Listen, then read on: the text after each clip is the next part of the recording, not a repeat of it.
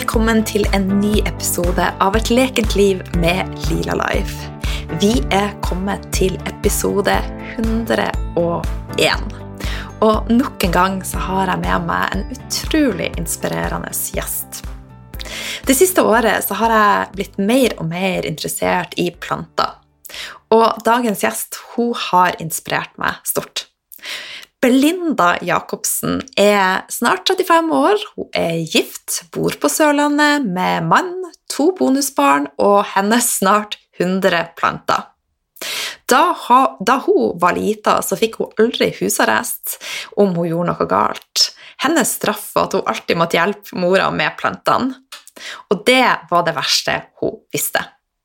20 år senere bor hun nå i et hus omringa av planter, og det er blitt hennes største hobby. Hun Belinda hun er også gründer og driver firmaet Pikant Media med mannen sin. Hun er også en ivrig podkaster og veldig inspirerende på Instagram. Så jeg gleder meg veldig til å hoppe inn i denne eh, samtalen, og jeg er helt overbevist om at du også kommer til å elske den like mye som jeg vet jeg kommer til å gjøre. Men aller først så vil jeg bare si at jeg blir kjempeglad for ei tilbakemelding fra deg via appen Podkast eller direkte via iTunes. Og jeg leser virkelig alle tilbakemeldingene, og jeg setter oppriktig pris på dem.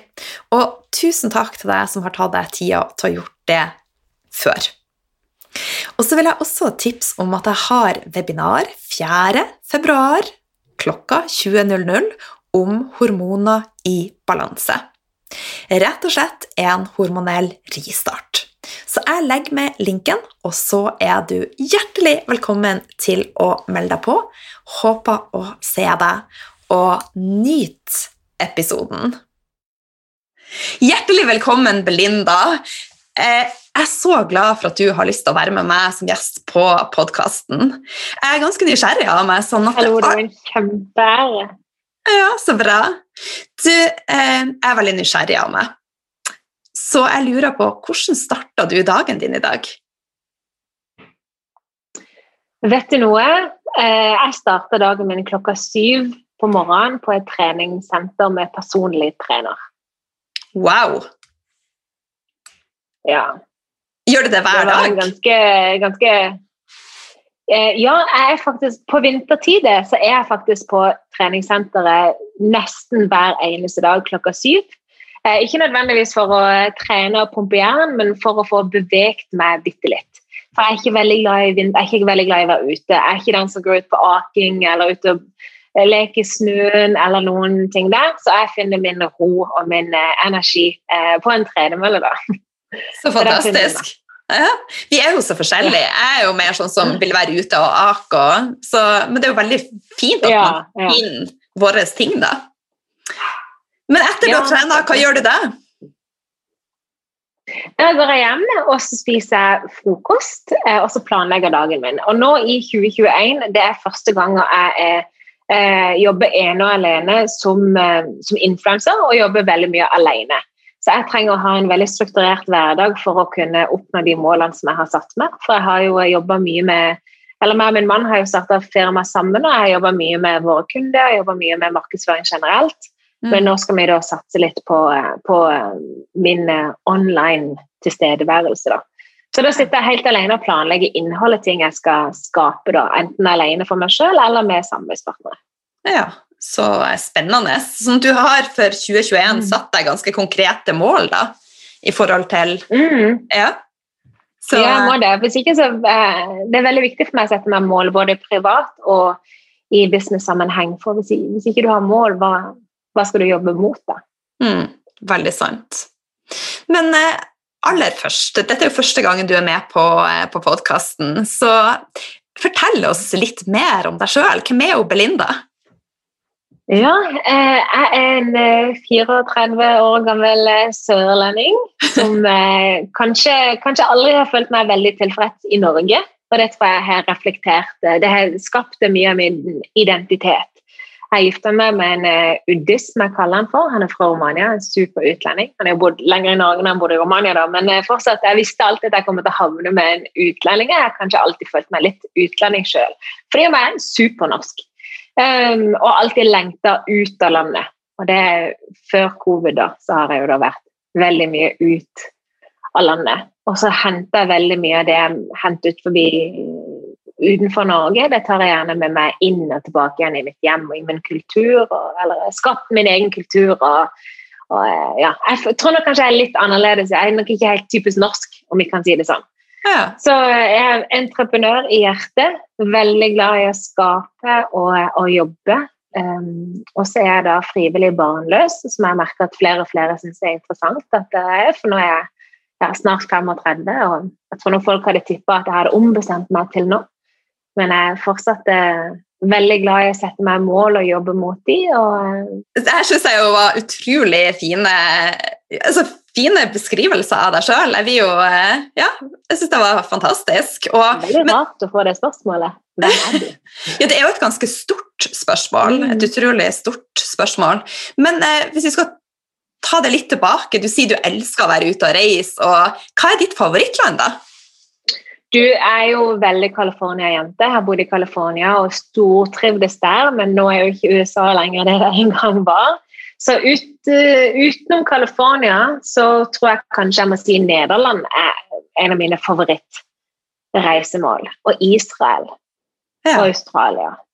Men eh, jeg kan se for meg Og Spania. Jeg kan, se for meg, jeg kan se for meg at jeg har et hus i Spania, og så kan jeg se for meg at jeg har en leilighet i Amsterdam og et hus i Norge. Det tror jeg nok er min fremtid.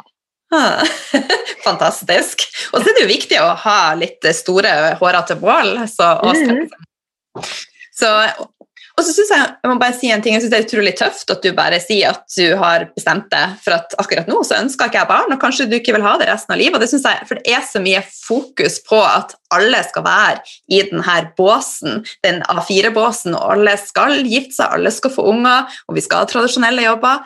Så hurra med hei for deg, altså. jeg syns det er en veldig kul greie, for jeg har fått det spørsmålet siden jeg var lita, og siden jeg var lita har jeg jeg lekte ikke med dukker. Og jeg har tatt vare på barn i hele mitt liv. egentlig. Jeg har mange småsøsken, jeg har mye eh, nevøer og nieser som jeg har vært ansvarlig for. Og, ikke ansvarlig, men jeg har bodd med min nevø, jeg har vært med å oppdra eh, barn siden jeg var ti år. Og nå eh, Og min, har, min, mann har to barn, så jeg har to bonusbarn. Så nå som de er såpass store, de er 13 og 17 år, så føler jeg at jeg er ferdig med småbarnsfasen, til tross for mm. at jeg egentlig aldri har hatt barn. Mm. Så jeg er likevel veldig veldig ferdig og syns det er veldig kult å, å, jobbe bare med Jeg syns det er veldig kult at jeg rett og slett kan ha meg sjøl i fokus hver eneste dag. Mm. At jeg har skapt et liv hvor jeg kan tenke hver eneste dag hva har jeg lyst til å gjøre i dag. Og det, det syns jeg er veldig, veldig gøy. Utrolig inspirerende, så takk som, eh, som deler. Du, eh, du er jo, På Instagram så deler du jo veldig mye grønne tips. Eh, du er veldig glad i eh, planter. Og Har du alltid vært opptatt av planter, eller er det noe som har kommet med årene? Jeg tror nok at jeg kanskje har fått inn med morsmelka. Selv om jeg, når jeg var eh, liten og i tenårene, så var det min straff hvis jeg måtte være med plantene til mamma. Jeg hadde ikke husarrest, jeg måtte være med og gjøre hagearbeid. Og jeg hater det. Det var det verste jeg visste på denne jord. Men det har nok sådd sine frø hos meg. For i eh, 2018 så ble min bestemor, som vi kaller for the mother of all plants, hun var liksom den som har, kunne alt om planter. Og hadde vanvittig mye planter. Hun eh, lå for døden. Hun var gammel og mett av dage, som det, som det heter. Veldig religiøs og oppførte seg som om hun skulle liksom, på kjendisfest snart med Jesus og var dritgira på det. Nå er jeg ikke er religiøs, jeg kunne på en måte ikke helt joine inn på den, men det var, var nesten litt fint å se et menneske være så lite redd for døden. da. Men i den perioden så snakka vi veldig mye på FaceTime, og jeg hadde så lyst til at vi skulle connecte over noe som var i hennes sfære. Så jeg kjøpte mye planter. Jeg hadde akkurat eh, bosatt meg tilbake igjen i Norge etter noen år på farten. Og fått meg samboer og bonusbarn og visste på en måte at nå holder jeg på å bli etablert for første gang. Ganske seint i livet. Um, og da kjøpte jeg mye planter og lærte alt om planten, sånn at jeg kunne ringe til bestemor og snakke hennes språk. da. Så var, ja, det var en veldig, veldig fin periode. Og, um, og etter vi mista bestemor, så fortsatte på en måte bare den, den grønne gleden. Jeg fikk veldig mye mestringsfølelse i det å kunne ta vare på, ta vare på en plante. da. Ja, Og nå er huset ditt fylt av grønne planter? Vet du hva? Jeg var innom bunnpris eh, rett før dette her, og plukka med meg en bitte liten gummifiken. Og jeg er egentlig veldig imot det å kjøpe planter på matbutikker. For vi, jeg føler at vi må sette pris på gartneriene og de små blomsterbutikkene og støtte de heller. Og Allikevel så ryker jeg jo på en smell ukentlig. Og når jeg tok med meg den lille gummifiken til kassa, så kikka jeg opp med hos der, det er jo rett ved siden her jeg bor, og hun bare har du virkelig plass til flere planter hjemme da? og nei, jeg har ikke Så ja, jeg har veldig mye planter nå. Jeg tror jeg er oppimot 100. Ja. Jeg gleder meg til å få masse, masse tips hos deg, for at jeg kommer til å grave. Men eh, når vi skal sette i gang med å ja, få litt mer grønnplanter, eh, hva er dine beste tips til å starte? Det aller første jeg anbefaler, det er å tenke på plasseringa. Hvor ønsker du å ha en plante? For Hvis du ønsker å ha en plante på eh, et eh, mørkt soverom der gardinene alltid er dratt foran, og du har oppe vinduet på natta og det blir iskaldt, da er det svært få planter som vil trives der inne, så da vil jeg heller gått bort fra planter og gått til noen tørka blomster eller falske planter. Eller hvis du har kjempestore vinduer og du ønsker en plante som skal ta mye oppmerksomhet i stua, så plassering aller, aller først.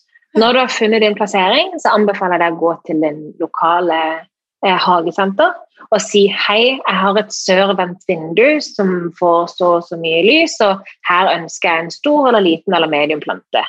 Eh, og når du har funnet plasseringa, så må du gå over på personlighet. Hva slags menneske er du? Eh, reiser du mye? Da må du ha en plante som ikke krever mye vanning eller stell. Er du en sånn typisk omsorgsmenneske som kommer til å vanne planten din hver eneste dag? Sant? Du klarer ikke å la være.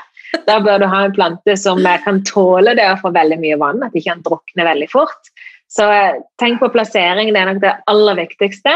Og så litt din egen livsstil. Og spør etter råd, for de fagfolkene som jobber i butikkene, de er utrolig flinke. De kan hjelpe deg å finne en plante som kan vare i ditt hjem. Mm, fantastiske tips. Altså, tidligere enn jeg har kjøpt, så har jeg jo plukka rett og slett for at Å, den planten var fin, og så har jeg jo ikke mm. satt meg inn i noe som helst. Nettopp. Så, eh, men i det siste så har jeg jo begynt å følge med deg på Instagram, og sånn gradvis så ser jeg at det går litt bedre med blomstene mine. Ja, så bra. Plantene Der, for alle sier blomster. Men det er plante. En plante kan få en blomst, da.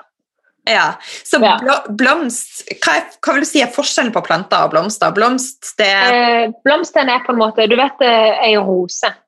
Ja. Hvis du klipper av blomsten på tuppen, så har du en stilk igjen. Sant? Eller når rosene har avblomstra, du har en hekk igjen. Så blomsten er på en måte den, den, blomsten som vokser opp og bare er der en liten periode på en plante. Mm. Så, okay, så. Som regel så har vi grønne planter. F.eks. planten bak deg. Er det en yuccapalme der, kanskje? Ja, jeg tror det. Jeg tror det, ja. Hvis den mm. plutselig hadde fått masse små blomster, så har du sett at ok, her er det blomster på planten, men selve yuccapalmen din er på en måte en plante, da. Eller faktisk et tre. Ja, Kan den også få blomster? Jeg tror ikke yucca får blomster, nei. Nei, nei ok. Nei. Jeg Sikkert, men jeg tror ikke det. Jeg har i hvert fall ikke sett det. Ja. Ok, Så plassering er kjempeviktig, og så er det også viktig å velge blomster ut fra personlighet. Planter. Blond. Seriøst, Line! Dette kommer jo til å bli en komedie. ok, for, eh, for nest, neste gang jeg sier blomster, så, jeg, så får dere lyttere en premie hos meg. Altså. Så nå setter jeg litt press på meg sjøl her. Så, okay, så nå har jeg oppsummert de to tingene. Men nå, når jeg da har valgt plantene som passer til meg, hvordan kan jeg da ivareta de best? Har du noen andre gode tips? Ja. For det første, fordi om du først bør tenke over plassering og hvem du er som menneske, så er det jo enkelte planter som er enklere enn andre. Og De tre planter som jeg alltid anbefaler, det er gummifiken, gullranke og smaragdpalme. Så Hvis du lytter til dette her nå, så vil jeg skrive ned da gummifiken, gullranke og smaragdpalme, så kan du se hvordan de ser ut. For det skal litt til å ta livet av de. Um, og når du da har bestemt deg din plante, så vil jeg anbefale deg å uh, bli kjent med dem. Litt sånn som vi gjør hvis du møter et nytt menneske på kafé. Så finn ut hvordan lever de i det fri. Trenger de mye lite lys, lite lys? Og prøv å finne litt ut av hvem denne planten er. Um, og f.eks. når du kjøper en hund, sant? så tenker du over Eh, røyter denne hunden? Eh, hva slags aktivitetsnivå har denne hunden? Hva skal til for at denne hunden skal trives best mulig? Jeg anbefaler folk å gjøre det samme med plantene. Finn ut av hva skal til for at denne planten skal trives best mulig. Da gjør du et veldig økonomisk eh, kjøp, som i tillegg gir deg mestringsfølelse fordi du vil se at planten trives, og at du rett og slett kan forstå en plante, og planten kan forstå det, om det går an å si det sånn. Ja, gode tips. Eh, en av de tingene som jeg har gjort, er at jeg har vært og kjøpt eh, type næring, og så har jeg kjøpt ei sprayflaske. Vil du si at det er lurt? Sånn at jeg gir blomstene mine næring og sprayer de med vann. Ja, det å spraye med vann det er jo fordi at eh, mange planter vi tar inn i norske hjem, det er tropiske planter som er vant med høy luftfuktighet. Mm. Der de bor i Mexico eller Peru, Amazonas. Um, og i Norge har vi jo veldig ofte ganske tørre hjem. Så det å spraye plantene dine det kan absolutt være veldig fint. Vil du være ekstra nerd, så kan du da samle opp regnvann når eh, sesongen er for det. Jeg pleier å ha bøtter stående forbi her og der, og så går jeg ut og fyller regnvann i disse sprayflaskene mine. Nå bor jeg ganske langt unna en by, vi har veldig fint og godt eh, regnvann her. og Det er jo masse mineraler som ikke du gjerne får i tappvann. Så vil du være supernerd, så tar du regnvann. Men det å spraye det er tipp topp. Og dette med næring er jo òg um, et stort tema. For å gjøre det veldig enkelt, så kan du på en måte velge mellom to ting når du går inn for å ha en plante. Enten så bruker du kompostjord, som er da gjør du det litt sånn som det er ute i naturen. For ute i naturen så lever det tusenvis av mikroorganismer nede i jorda som snakker med hverandre, som, som, passer på at hele systemet fungerer sånn som det skal, som beskytter plantene dine og får plantene dine til å vokse. Veldig mm. kort og enkelt fortalt. Og hvis du bruker kompostjord, så trenger du ikke da gjødsel. Da trenger du bare mat til disse mikroorganismene i jorda i en gang eller to eller tre i året maks. Men hvis du ønsker å bruke steril blomsterjord, som er den mest vanlige jorda du kjøper på butikkene, den er som regel blanda ut ganske mye fordi, fordi han skal være billigere å selge, han skal være enkel å eksportere og, og frakte, han skal ikke være så tung og ikke føre med seg verken det ene eller det andre. Um, det er et veldig fint alternativ for de som masseproduserer planter. Men denne her er jo steril, den er jo død, uh, og veldig ulikt hvordan uh, plantene står i jord ute det fri. Eh, så dersom du skal ha blomsterjord og gjøre det på den måten, så må du tilføre næring eller gjødsel. Da. Og da krever jo forskjellige planter forskjellige typer gjødsel og næring. Så er du på, Når du kjøper din plante, så anbefaler jeg igjen å spørre fagfolkene der hva trenger denne planten her av næring. Mm. Og hvis du bestemmer deg for å gå for kompost, og enten kompostere sjøl eller bruke bokashi, så er det å sette seg inn og lære det òg. For hvis man blander de to, så kan man fort få litt issues. Mm. Så man må på en måte sette seg litt inn i det.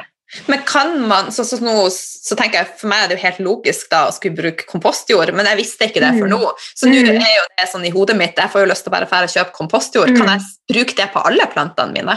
Så det er så planter. Ja. ja, veldig bra. veldig bra. Ja, det kan jeg bruke kompost på absolutt alle mine planter. Det har jeg gjort i hele mitt eh, liv. For hele min familie har gjort det på den måten, så for meg har det vært veldig naturlig å gjøre det på den naturlige måten. Men der er folk forskjellige. For så er det veldig mange som drikker Fanta og tar C-vitaminer på sida. Og så har du mm. de som spiser en appelsin. Ja. Så slipper de, sant? For å gjøre det veldig enkelt. Ja. Um, men det, når man da har bestemt seg for å bruke kompostjord, så må man også tenke på hva slags blandingsforhold disse her skal ha. F.eks. en kaktus. De står jo i veldig sandholdig jord ute i det fri. Sant? Og aloe vera disse med veldig god drenering. De får en regnby i ny og ne, veldig sjeldent, og den renner rett gjennom veldig mye sand. Så da har de blanda inn ekstreme mengder sand i den kompostjorda. Mm. Og så har du da f.eks. en strelitia, eh, som er, står i jord. Den vokser jo på bakken ute i jungelen, så den kan gjerne ha mindre drenering da enn en, eh, en, kaktus. Og så har du igjen en monstera deliciosa, som er en epifitt, Epifitt betyr at en plante som ute i det fri vokser på andre ting uten å drepe det. Så f.eks. en eføy. Hvis du har sett en eføy vokse fritt her ute, så kan den vokse på alt mulig, men det trekker næring fra det det vokser på, og dermed tar det livet av det. Mm. Så Grunnen til at eføy blir sett på som eh, ugress, hvis, og man må fjerne det hvis det vokser opp på et annet tre i hagen din, er det fordi at det trekker næring fra treet og vil til slutt drepe treet. Men en, en anturium clarinervium eller en orkidé eller en monstera de vil vokse på andre ting. men trekke næring fra, fra dugg, fra, fra regn, fra luftfuktighet, fra tåke istedenfor å drepe det det står på. Så en sånn en plant igjen, de skal jo ha da ekstremt god drenering og ikke kraftig jord. Så da blander jeg en masse perlitt som holder på fuktighet, men gir god drenering. Masse sand. Og jeg går ut i skogen og henter løv, som har både både fette, proteiner, karbohydrater for mikroorganismene i jorda. Så går jeg inn og henter små Jeg rundt på, jord, på bakken i skogen etter kvister med mugg på, f.eks. Sopp, mener jeg. Ikke mugg men sopp. Så tar jeg det og blander alt dette her inn i den jorda og plasserer planten oppi der. Så får du planter som vokser litt seinere, for de vokser i den takten de skal vokse i, uten å få sånne veksthormoner som mye gjødsel kan ha. da. Mm. Så eh, jeg har testa veldig mye hvor jeg har eh, kjøpt to av samme plante, potta den ene i blomsterjord og hatt eh, vanlig gjødsel på sida, og så har jeg potta ja. den andre i kompostjord. Og Forskjellen er ganske ekstrem, altså. Ja, det er jo så spennende. Ja, det er kjempegøy å følge med på. Det er det. Så velger man seg bare sin favoritt. Ja. Men kompostjord, hvor får man kjøpt det? Oi, det vet jeg helt ærlig. så har jeg satt, Det er kanskje det spørsmålet jeg får aller mest, og det spørsmålet jeg ennå ikke vet svaret på. Jeg kjøper okay. litt lokalt her i Kristiansand. Ja. Eh, du kan kjøpe på noen nettbutikker, og du jeg tror nesten bare i den byen du sitter i, så må du nesten bare ringe rundt og høre eller ta et Google-søk, for jeg aner rett og slett ikke. Det er jo det er dyrere og tyngre enn eh, såkalte vanlig jord. Mm. Men um, derimot så har du jo den jorda for alltid.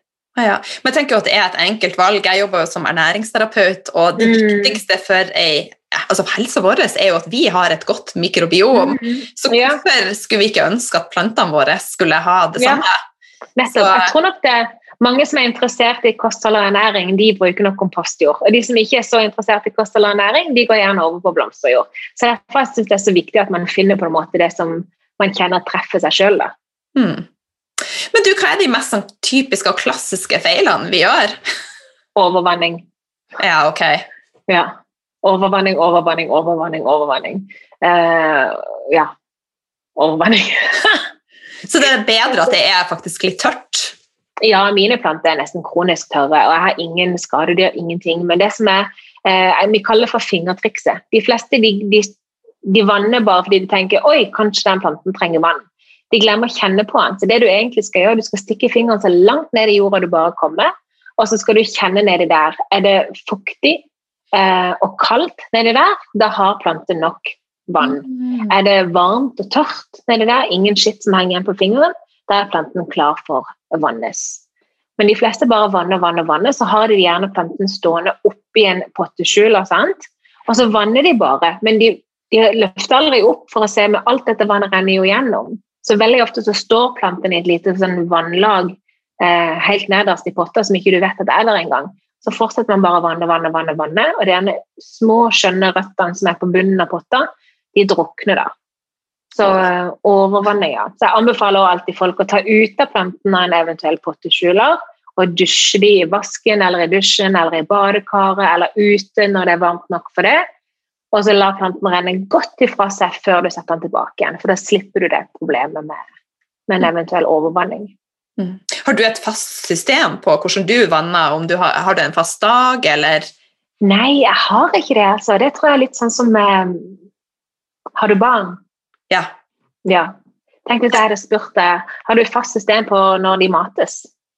Nei. Du har jo sikkert ikke det, for du merker når de er sultne. Eh, du kan se det før de sier fra, eller du kan se ja, alt dette her. Så det er litt sånn jeg har en plante nå, men jeg har nok en vane på at jeg går alltid og stikker fingrene i pottene rundt omkring. Så jeg kjenner på en måte etter, og jeg ser jo Jeg har jo jeg lært å gjenkjenne meg tegnene som plantene gir meg. For eksempel min strelitia, når den krøller seg med bladene, så ser jeg ok, nå er sikkert den tørr og har for lav luftfuktighet. Nå er det på tide. Min gullranke begynner å henge litt. ok, Den må ha en dusj. Så jeg kikker veldig mye på plantene. Bruker veldig mye tid på å se dem. Så føler jeg de forteller meg når de er tørste. da. Ja, Men da passer jo mitt eh, neste spørsmål. for at jeg er nesten sånn som kan få dårlig samvittighet for, eh, for plantene mine og tenke at de er alene og ensomme. Sånn at jeg prater litt med dem og tar på de når jeg står opp om morgenen, så går jeg forbi en så stor plante, og da tar jeg alltid på den. Ja. Er det skikkelig corny? Nei, ikke i det hele tatt. Jeg tror at vi undervurderer de energiene som både vi mennesker har, og dyr har, og, eh, og planter har.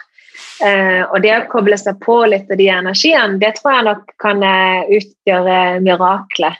Mm. Og jeg snakka med, med, jeg vil kalle han min venn Morten Bragde. Han er en liksom kjendisgartner, har vært mye på God morgen Norge og har det mest intelligente mennesket jeg noen gang har møtt.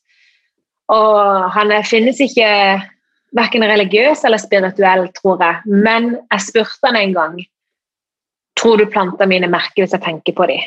Og da sa han definitivt.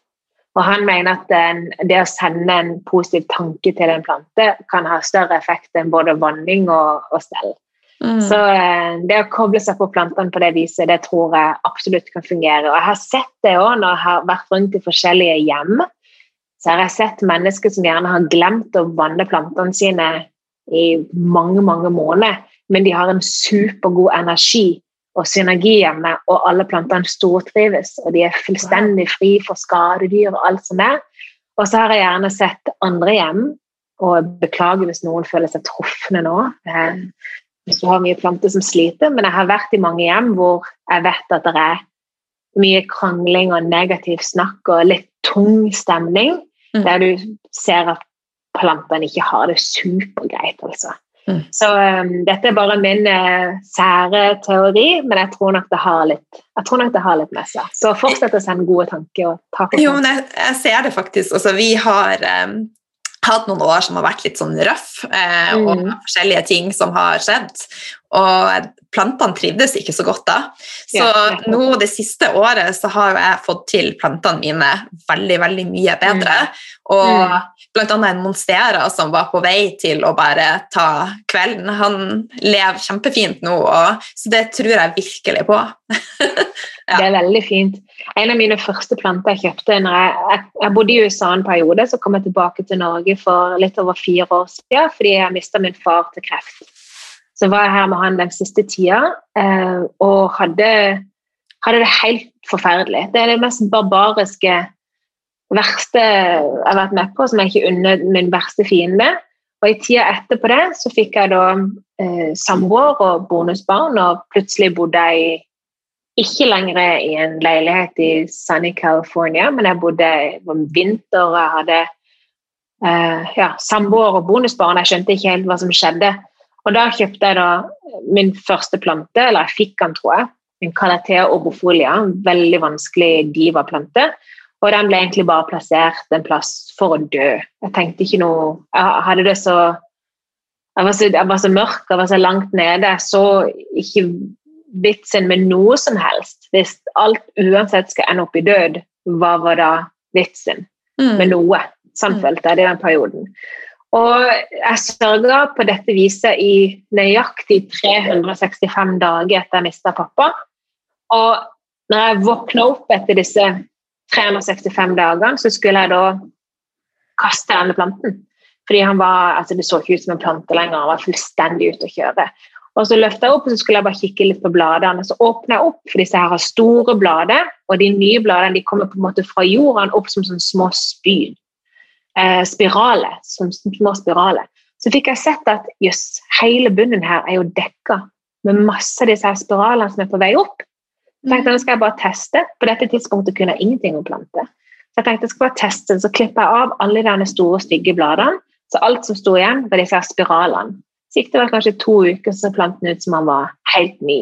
Wow. Jeg følte at den kom litt sånn tilbake igjen sammen som jeg kom tilbake igjen til livet. Sant? Så um, jeg, tror, jeg, tror, det var en sammenheng mellom, mellom meg og den planten der, altså. Jeg tror, jeg tror, det er større sammenheng enn det vi er i stand til å forstå, egentlig. Ja, for en fin historie. Mm. Men du, nå har du jo fortalt at den der historien og det med energier Ellers, hva er det med planter? Det? Hva føler du at planter gir deg? Jeg tror de roer meg ned. Bare en plante eh, vokse eller bevege seg 200 ganger saktere enn vi mennesker. Og du vet du vet når du, når du setter deg ned på gulvet med et barn som akkurat har lært å sitte, eller du, du, går i badekar med et barn og du plasker, du kobler deg på dette, denne barnslige energien og du begynner å leke. sant? Eller du, du er på løpetur med noen som virkelig kan løpe, og du kobler deg på pusten og du prøver å mimikere mimikere, må lage et nytt ord. Og mimike bevegelsene de sine og, og, være i samme stand. Eller du eh, er i et businessmøte og du retter deg litt ekstra opp i ryggen og du har litt rettere øyekontakt og du kobler deg på andre mennesker. At for min del så kobler jeg meg på plantene, da.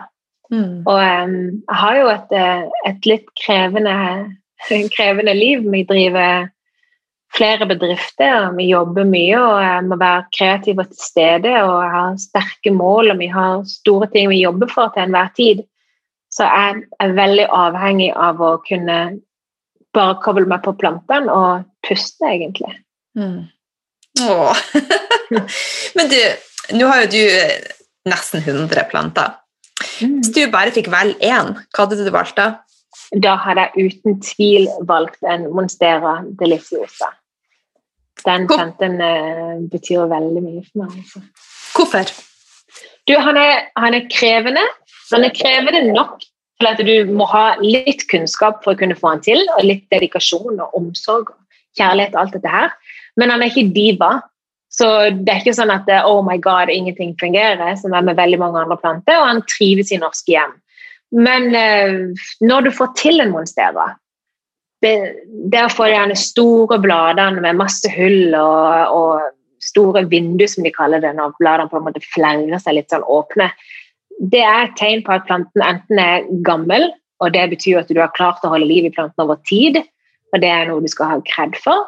Eller så betyr det at du er klart å gi planten det miljøet som planten ønsker å stå i. Og Da er det det igjen, at det står for dedikasjon og kunnskap og omsorg og kjærlighet.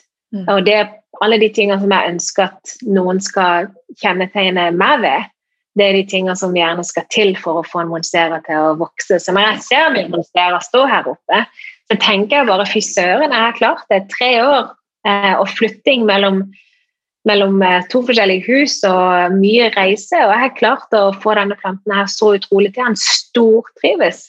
Og jeg kan mye om den planten. og det er jo, Jeg er veldig glad i kunnskap generelt. og det er noe jeg setter pris på i mennesker. da. Det er mm. folk som har kunnskap om hva som helst. Mm. Så, eh, og lidenskap. Så eh, den planten der den representerer veldig mye for meg. Mer enn bare en plante. da.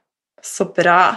Du, jeg har sett at du har delt på Instagram helt uten å, å skjønne det. For at sånn som du forklarte det, så har en monstera flere eh, At det er flere planter i, og at du bør dele den. Ja, som, som regel når du kjøper en ny monstera, så har de potter flere planter sammen, fordi at han skal se mer ut som en sånn buskete, vanlig potteplante. Mm. Men der igjen, hvis du går og tenker på, hvis du går tilbake til hva bør du gjøre når du har skaffa deg en plante og blir litt kjent med den planten. Så ser du ut i det fri, så er jo ikke dette her en potteplante, dette her er jo en klatreplante, en epifytt. Så planten vil da eh, klatre én og én alene opp fram til han finner noe å støtte seg på. Og når han finner noe å støtte seg på, så vil han da gi disse store, flotte bladene og vokse seg opp mot høyden. Så siden en monstera er en klatreplante som kan bli opptil 20 meter høy, så sier det seg selv at eh, du har ikke plass til tre eller fire eller fem av de hjemme i en liten potte. Mm. Så derfor var det opprinnelig tilbake i 2018 at jeg da delte opp denne potteplanten jeg hadde kjøpt, for å se hvordan vil denne planten reagere dersom jeg lar den få lov til å vokse litt sånn som han har lyst til å vokse i det fri. Hvor jeg ga planten muligheten til å tro at han hadde funnet noe å klatre seg på, som da var en bambuspinne, en brøytestakk. Eh, og så spraya jeg luftrøttene med regnvann og lot den vokse stående, da, sånn som man gjør i det fri. Mm. Så det er egentlig bare litt sånn eh, logisk tenkning som gjorde at jeg begynte å dele opp eh, denne planten. Men Bruker du mye tid på plantene dine? jeg føler jo ikke jeg gjør det i det hele tatt, men jeg bruker nok mye tanke. Ja, okay. Jeg tenker på de veldig mye, og jeg planlegger veldig mye. Og jeg vet alltid som, hvem som trenger hva, eh, hva som skal til. Men eh, igjen, jeg har ikke småbarn. Så jeg har jo eh, jeg har nok mer tid enn det andre i, i min eh, situasjon eller i, i, min alder veldig ofte har. Mm. Men eh, jeg føler at det er veldig lite, fordi jeg vanner de så lite. Ja. Jeg ser jo også mine Jeg har ikke barn lenger. De er 19 og eh, 17. Og Mm. min eldste datter hun er faktisk i Kristiansand og går på folkehøyskole. Så Nært deg, da, tror jeg. Men jeg ser jo at min interesse for planter har økt ettersom jeg har mer tid. da. Så det, Mm. ja. Men eh, vi har jo prata mye om grønnplanter, eh, eller planter. Hvis du skulle oppsummere, er det noe som jeg har glemt å spørre deg om, som du tenker er viktig for de som skal kanskje komme i gang med grønn- eller planter? Nei, jeg tror egentlig ikke det. Eh, det krever veldig lite. Um, kjærlighet og omsorg er nok det som skal til. Og det er sikkert sånn som når du skal føde et barn òg, du kan lese artikler opp og artikler ned om 'dette må du ha i fødebagen', eller 'dette skal til i spe- sp- eh, spedbarnsperioden'. Men til syvende og sist så er det kjærlighet og omsorg og eh, 'learning by doing'. Så tror folk skal sette ned kravene. Du må ikke ha den og den vanneflaska. Du kan, de, du kan vanne dem fra en gammel ølflaske. Det gjorde min bror i flere måneder. Det funka fint, det. Så det krever ikke så veldig mye. Bare litt kunnskap om planten din. Eller interesse, er det vel. Har du interessen, så kommer resten. Ja, Veldig inspirerende. Men du, utenom eh, å holde på med planter, hva liker hun eh, Belinda å gjøre da? Du, jeg har eh, nettopp blitt interessert i trening. Og det er helt eh, merkelig. Jeg trodde aldri jeg skulle bli en person som kunne like å trene. Eh, men det bare kom over natta. Jeg våkna opp en dag, hadde lyst til å gå på trening, og før jeg visste ordet, så likte jeg det. Så eh, jeg gjør det Tenk hvis det var så enkelt for alle! Ja, men jeg har hørt andre snakke om sånne ting, så jeg tenkte at det der kommer aldri til å skje meg. For jeg har trent så mye i mitt liv kun for å enten kunne si ja, jeg har trent, eller bare være visst at man må jo bevege seg her i livet. Så, eh, men nå liker jeg det faktisk. Så nå bruker jeg mye tid på det, og på mat. Jeg har blitt veldig, veldig interessert i, eh, i ernæring, da. Så Ja. eh, nå er jeg sånn her Hvordan kan jeg lage liksom den mest Jeg kaller det for eh, eh, måltidet på steroider. Og det er overhodet ikke på steroider, men bare det å lære liksom, hva er det spinaten faktisk gjør med deg, hva er det blomkålen gjør, hva er det paprikaen gjør, hva er det hempfrøen gjør, og chiafrøen gjør. Så jeg holder på eh, å, å, å lære meg masse om eh, mat. Jeg syns det er veldig gøy. Så spennende.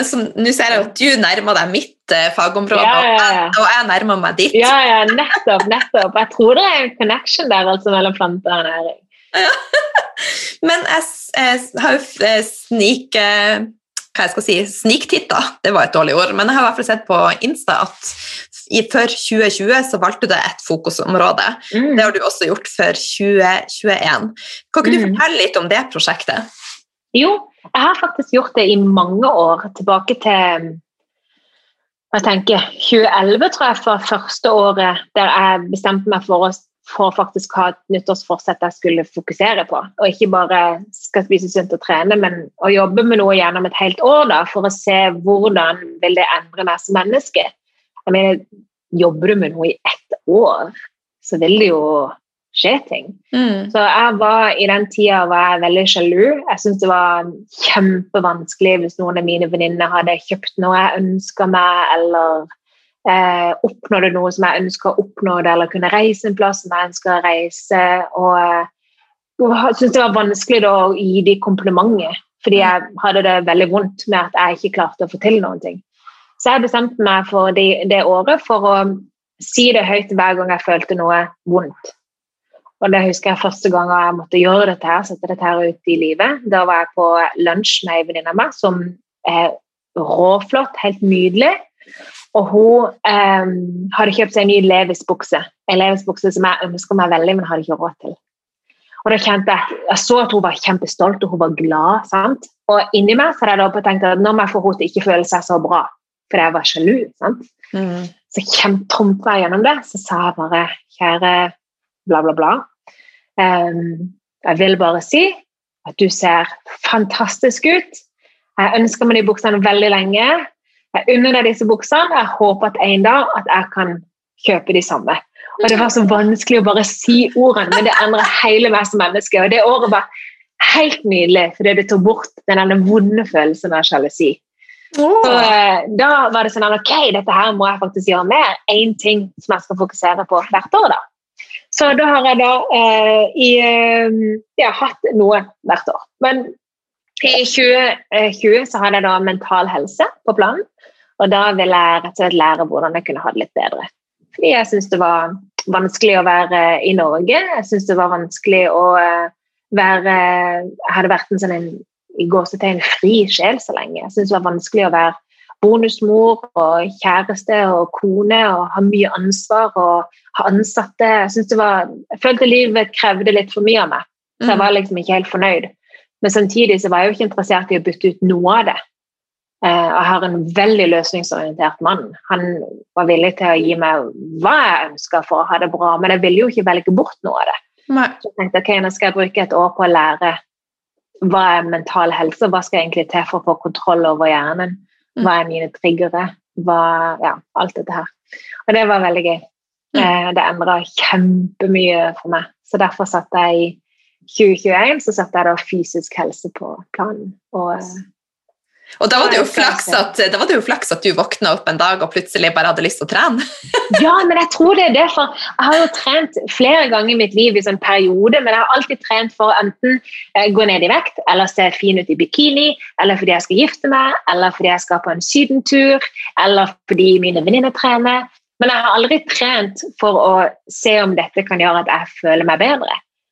Så nå trener jeg uten en uh, vekt, og jeg trener uten å, et, et, spesifikt mål. Jeg trener for å se hvem jeg er i desember, hvis jeg har trent Eller ikke kutt ordet trening, men hvis jeg har vært i bevegelse mm. hver dag i 2021. Mm. Hva vil det gjøre med meg? Og fram til nå så har det jo vært, jeg, jeg er så lykkelig. Så bra. Jeg er jo på endorfinrus hele tida. Det er jo helt sykt. det er så viktig det du sier, for at eh, det, et skifte for meg var å forstå at helse det var en følelse.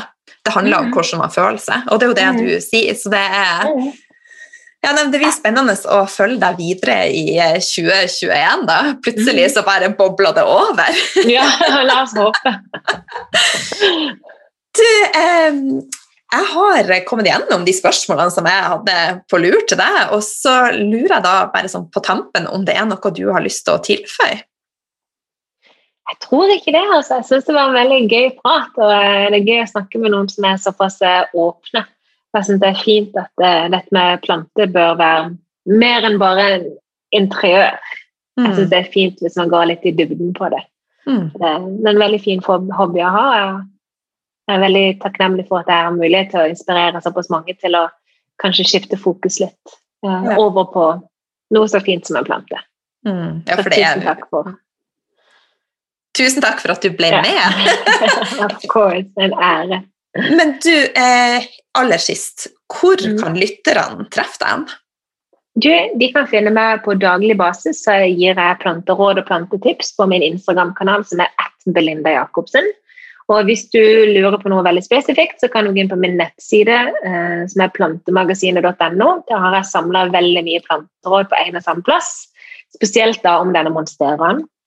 Eh, og så kan de høre meg skravle om eh, livets eh, merkelige ting på eh, podkasten Snikksnakk, og så kan de høre meg snakke om planter i podkasten Plantepodden, som jeg har sammen med gartner Morten Brøndø.